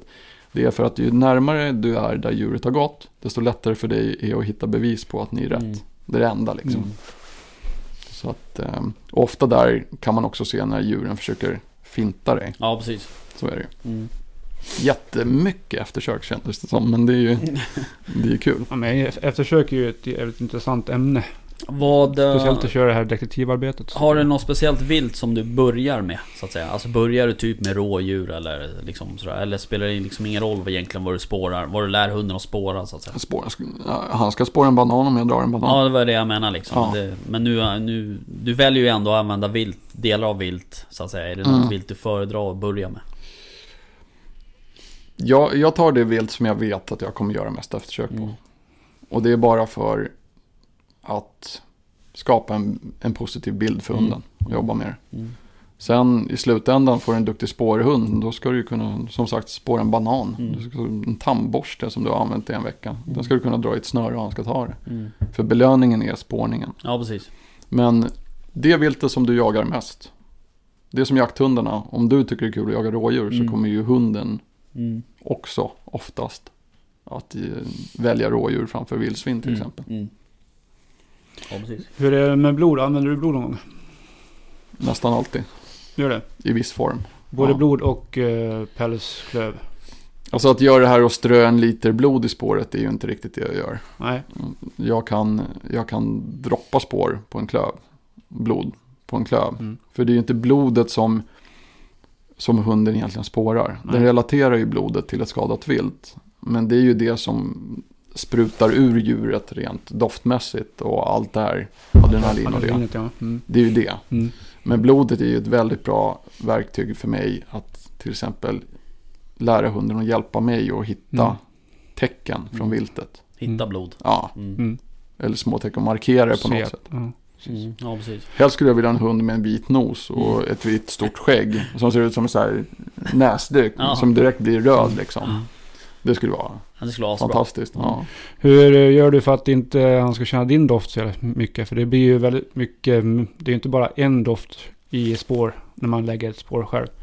Jag vill helst att andra ska lägga spåret. Mm. Men sen har jag olika skor för när jag går med hund och när jag liksom. Ja, Och ibland så drar, tar jag mina eh, gummistövlar och så drar jag plastpåsar Mm. över. Det är jättesmidigt när det är halt ute. Mm. Ja, exakt. Och ni ska se mina grannar, de bara, Ja. "Åh, nu springer omkring med de där färgade banden och pannlampan liksom, det är en stockholmare liksom. Och de bara liksom, ja den enda skogsdel som vi har, det är ju där jag jobbar liksom. Mm. Så att eh, jag försöker att tänka mig, och ibland så har jag till och med en, en liksom, ett litet metspö som jag drar spåret. Mm. Exakt. Och om man ska träna det och, och få hunden att förstå att du ska vara intresserad av det. Mm. Då, tar du ett fält Mm. och sen går du bara rakt över och sen två meter åt sidan så är det vilt, viltspåret och ena är din. Och varje gång hunden väljer att gå till spåret då är det belöning. Mm. Mm. Har du testat med cykel någon gång? Jag skulle inte göra det. Först och främst så, så vill jag liksom Många kör ju, det finns ju folk som gör det med, med fyrhjulingar och allting. Och gör det. Um, har man sett. Alltså Folk- dra spår menar ni? De, de drar spår på en väg. Mm. Två kilometer bara. Mm. Och för min del så är det, cykel skulle nog funka. Jag skulle till exempel använda om jag skulle ha typ en drever. Mm. Eller en tax som är liksom, vars jobb är långa spår liksom. Men där jag lägger spår och de stupen och allting som jag lägger. Där, jag kan ju ha ett spårslut som är vid ett stup. Och sen ligger klöven under. Mm. Och i vissa fall så har vi inte ens ett slut. Men eh, när det gäller, gäller just det här med planering av spår. Så det är många gånger som du inte vet vad hunden spårar. Nej, Om du exakt. lägger spåren själv. Nej, Men då är det dags för dig att göra tester. mm. det är det jag menar också. Därför jag tänkte att du ska ha cykel för att då får du inte din vittring Mm. på samma sätt. Alltså jag skulle säga så här. Jag lämnar klöven på en gren. Mm. Snöret som du håller i. Och sen går du 5-6 meter åt sidan och kommer tillbaks. Och sen tar du klöven och går. Då ser du ganska fort om Mm. hunden spårar dig eller klöven. Sen är det så här också. En hund kan ju vara och spåra klöven. Men av intresse kolla vad husse eller någon annan har gjort. Ja. Och sen kommer tillbaka. Mm. Så i början när det är en hund, då ska du jobba med att hunden ska vara kvar i, i rätt spår. Liksom. Och är det så att du missar och hunden går iväg, då ska du hela tiden vara positiv när den väljer att gå tillbaka Mm. till själva viltspåret då, Mm. i det här fallet. Mm. Så, om eh, din valp nu byter, flyttar sig från spåret, går iväg. Vad gör du då? Då blir det stopp. Då står du still och bara väntar in hunden till den rätt. Ja, alltså det här är ju det här är också en sån här som eftersöksjägare diskuterar ganska mycket. Ska man låta hunden jobba sig ifrån? Att, liksom att den får tänka på annat. Och jag tycker att nej, nej det ska man inte. Så därför markerar jag mitt spår. Mm. Och låter hunden... Jag, jag kortar av linan helt enkelt. När jag märker att nu, Mm. nu är det dumheter. Mm. Och det är inte dumhet, det är inte av elakhet. Utan, Nej. utan, och är det så att han börjar någon annanstans, då... här går vi. Mm. Och direkt när han går det, då blir glada. Glada husse, du är duktig då. Då kommer Ja. bebisrösten Ja, fram. Du är duktig då. Ja, men så är det. Ja. Ja, ja men då. Nej men det är intressant. Det är, är inte bara när det kommer till eftersök. Det Nej, är, jag tror inte folk riktigt förstår eh, vilka liksom, timmar som ligger bakom en duktig eftersökshund. Och en duktig eftersöksjägare. jag säger så här. Det är ju röta också. Jo såklart. Alltså du kan ju ha Jag världens bästa Jo, jo. eftersökshund som kommer naturligt. Mm. Men det som jag tycker, som jag ofta ser, det är att folk brister i eh, kunskapen att läsa sin individ. Mm. För man kan ha haft en hund av samma ras. Och haft i tio år. Och sen helt plötsligt får du en individ som är inte alls vad du har jobbat med. Nej. Och då, har man, då förstör man individen istället. Mm. Så att det är så här att får du ett problem med din eftersökshund eller din jakthund och du märker att det här gick inte som jag ville. Ju tidigare du kan be om hjälp desto bättre för Mm. hunden och dig. Så är det. Så är det. Jajamän. Jag fattar. Ja. Men eftersök, det är mycket, det är mycket snack liksom om, om eftersök idag. Och när det gäller till exempel eftersöksjägarna och det här som vi håller på med. Det är ju att vi ska få, försöka få ut så mycket material om eftersök.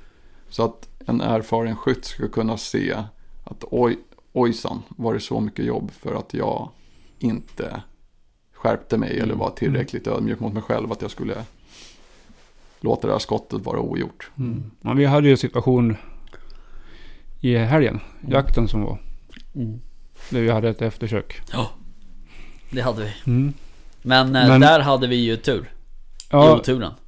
ja, vi hade en hund som kunde gå ikapp och dra Ja. ner ja. Mm. Exakt. Mm. Och de hundarna, jag som har varit lite inblandad i det här med hur till exempel Stockholms län ser ut. Det största bristen vi har, det är ju hundar som jag arbetar löst och går i kapp Mm. i hela Sverige Mm. gällande rådjur. Det Den är här gjorde ju det. Eh, Men det var väl egentligen ofrivilligt. Eh, alltså den kom ju... Ju Den drev ju det Mm. djuret. Mm. Det var påskjutet. Och då lät jag egentligen bara hunden Alltså jag sa aldrig åt hundföraren att koppla hunden utan den fick bara gå i spåret. Och för Vi det hann hade ju- gått förbi dig och någon passkytt till har för mig. Ja, vi hann ju inte stoppa den. Nej vi har ju inte stoppat den liksom. Och så det var liksom ingen idé heller och För jag vet också att den där hunden är, det är en tysk jaktterrier så det går ju snabbt för den. Mm. Eh, och lyssnar man på passkytten som jag vet är en duktig skytt eh, Så tänkte jag så här, den där kommer gå ikapp det där liksom. Och det gjorde den, det tog i och för sig en stund eh, Men ehm, den, Det, det där är röta. Ja det är det jag säger, Som eftersöksjägare liksom. kan jag säga så här. "Uh, Ja, Det där nej är- men lite så. Alltså det där är ju också så här, du får göra en bedömning också så här. Och hade det varit kanske Alltså hade det varit min hund eller våran beagle som Då hade jag kanske sagt så här, vi stoppar där och så tar vi det där sen. Ja. Men eftersom man vet att den här hunden är jävligt snabb och effektiv när det väl kommer till det arbetet Då lät jag det bara köra på liksom. Och sen var ju du där borta i kroken också. Ja, många gånger så kan det vara bra att ta ett eftersök när det fortfarande finns skyttar ute. Mm. Ja fast För- det här, ja. Ja. Först och främst så får man ju reda på om de ser ett vilt. Mm. Eh, har man möjligheten att avsluta lidandet via en skytt Mm. är det ju kanon. Men sen är det också så här att man kan hjälpa till med, alltså med obsarna. Mm. Särskilt om det är bom. Ja, så precis. uppskattas det verkligen Mm. liksom. Men eh, ja, det är en jaktledlig fråga och det är väldigt svårt att ta Ja. beslut då. Just då. Så är det ju. Ehm, annars så eh, när vi får eftersök sådär. Um, alltså jag brukar ju försöka hålla kvar några passkyttar. Eh, Mm. Oftast eh, kanske inte just den som sköt. Utan man, då, då väljer man ut några stycken och säger att ni stannar kvar. För jag behöver ha skyttar på det här liksom. Och, men då är oftast viltet kvar i såten. Mm. Det här rådjuret gick ur ur såten och är uppe i eh, nästa och näst, nästa såt typ ungefär. Mm. Och över två vägar tror Mm. jag och sådär. Så att det var ju bara ren tur att den här Gra- hunden var på. grattis och bra jobbat av hunden. Ja faktiskt. Extra köttben och var, extra Och- gott gott. Ja, då. Där, vad sa du? Ja, då, så. Ja. Mm. Ehm, men där... ehm, där vet jag inte riktigt vad som hände ehm, med skottet. För att det är ju som jag säger att han... Han är jävligt duktig skytt. Och han är lite nörd, skyttenörd liksom sådär. Mm. Och har oftast eh, jävligt bra koll på bitarna och har... Men alltså rådjur, så här säger jag. Rådjur och räv kan vara det absolut svåraste för att de är så snabba i sidled. Ja. Det går så extremt fort. Det är annat vilt också, men Ja. just till exempel räv. Mm. Så extremt svårt vilt för att den kan vända på en femöre. femöre liksom. Mm. Ofta så, självklart så jagar man ju med hagel då, Mm. under drev med räv. Men det är så svårt. Ja det är jävligt svårt eh, faktiskt. Va, vet du vad det var för skada på den? Ja. Ja. Det vet jag. Var det benskada Ja, eller? Ja, då ska ni vara väldigt glada att den Ja. där hunden hann ikapp. Ja, precis. Grattis till hundföraren. Ja, det var Ja. riktigt skönt faktiskt. Köp, en, kö, köp något alkoholhaltigt och, och ett köttben till hunden ungefär så, tycker jag. Som ja, skytt precis. i alla fall. Ja, nej men absolut och det, ehm, det var skönt. Men eh, där märker man ju också så här att det är alltså just som, som jaktledare eller som, som arrangör på något sätt så märker man ju att det är Det är så jävla skönt när det avklaras liksom snabbt, när man kan skriva av det snabbt liksom. Mm. Och även när man kan, kan skriva av det som så att man har faktiskt har fått tag på det och inte så här Fan nu har vi spårat här och vi, vi måste ta och köra här ikväll eller i natt liksom. Mm. Då, då moralen bara åker i botten direkt. Jag kan säga så här. Det största felet som man kan göra som, som jaktledare. Det är att lita på skytten. Ja. Är jag bomma. Mm. Det kan du ge dig tusan på att jag ska skicka någon som får Mm, dubbelkolla det. Mm. Det är absolut bästa. Ja. Och skyttar som har, alltså skyttar som har antingen bommat eller skadeskjutit ett vilt. Eller skjutit ett vilt som ett bra skott men inte tecknat så att skytten vet vad som har hänt. Mm. En duktig skytt tar lärdom av den känsla som du sitter med Mm. Vid ett sånt här tillfälle när du inte vet hur det har gått. Mm. Och när din första reaktion är, är jag bommade? Då har du inte lärt dig någonting. Nej. Utan har du bommat, var glad för det. Om hundarna påvisar att vi hittar inte ett vilt som anger det som hunden Mm. är ute efter. Men liksom ödmjukhet. Och sen så lita inte på skyttarna. Nej. Nej. För adrenalin och allting gör att man ser Ja. saker som inte Nej, stämmer. Och, och hjärnan talar ju om Alltså Hjärnan talar ju om den, den bilden som man gärna vill att det ska Ska vara så att säga Alltså den förvränger ju sanningen lite Jag kan säga så här, när, särskilt när man är en ganska ung jägare, eller Mm. ja, oerfaren jägare. När du skjuter ditt första vilt och kommer till din första bom, som någon gång kommer. Så är det så här att det känns som att hjärnan gör en synaps där du ser bilden när du siktade på viltet någon gång och siktet låg rätt. Men efter det kommer inte du ihåg vad som har hänt. Nej Och jag tror att det blir en så stor adrenalin och en stor press för hjärnan och kroppen. Du kanske ser en bild framför dig, men den bilden har redan förändrats. Men då tänker din hjärna på att avsäkra och trycka av. mm. Men då för att hjärnan behöver veta ett svar så sätter den det sista den såg. Mm. Är ni med? Mm. Så jag tror att en ödmjukhet mot att alla bommar är en träff tills hunden har sagt sitt. Mm. Jag tror att det är det nyttigaste vi kan ta lärdom av. Jag har en, en annan grej som jag, som jag skulle önska att folk blev bättre på Det är avståndsbedömning Ja. Faktiskt Eh, Det har väl i och för sig Alltså det har att göra med att jag har jagat mycket hagel Mm. eh, Småvilt med hagel och sådär Och där är avstånd A och O liksom Om du skjuter med hagel Men eh, det är ju Jag skulle säga generellt sett är folk dåliga på avståndsbedömning Mm. Faktiskt Och det, det kan man ju, då kan man ju tänka så här, antingen så är det självdisciplinen som Mm. brister. Eller så kan man som jaktlag bestämma sig för att vi gör markeringar där vi, när viltet är inom den markeringen, mm. så skjuter vi Mm. för att underlätta.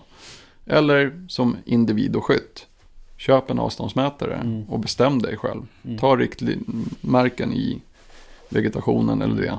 Härifrån skjuter jag. Det är ju en övningssak Alltså Ja, skjuta på fält är ju det största som är det Ja. svåra. Stora Ja, alltså drevjakter, så här, öppna fält. Avståndsbedömning menar jag. Alltså Ja. att det, det är så här, ska du bli bättre på avståndsbedömning Gå och gissa avstånd när du Mm. går till bilen eller till Ica eller hur långt är det bort till sirapshyllan där borta liksom ungefär. Ja. Sen så får du stega upp det om du tycker det är roligt men. Alltså det är det enda sättet att lära sig så att säga. Sen är det ju extremt svårt att göra avståndsbedömning i skog. Mm. För att det är så mycket, eller oftast är det ju väldigt mycket material framför ögonen som, som liksom, alltså det är, det är väldigt mycket träd, buskar, stenar och sådär.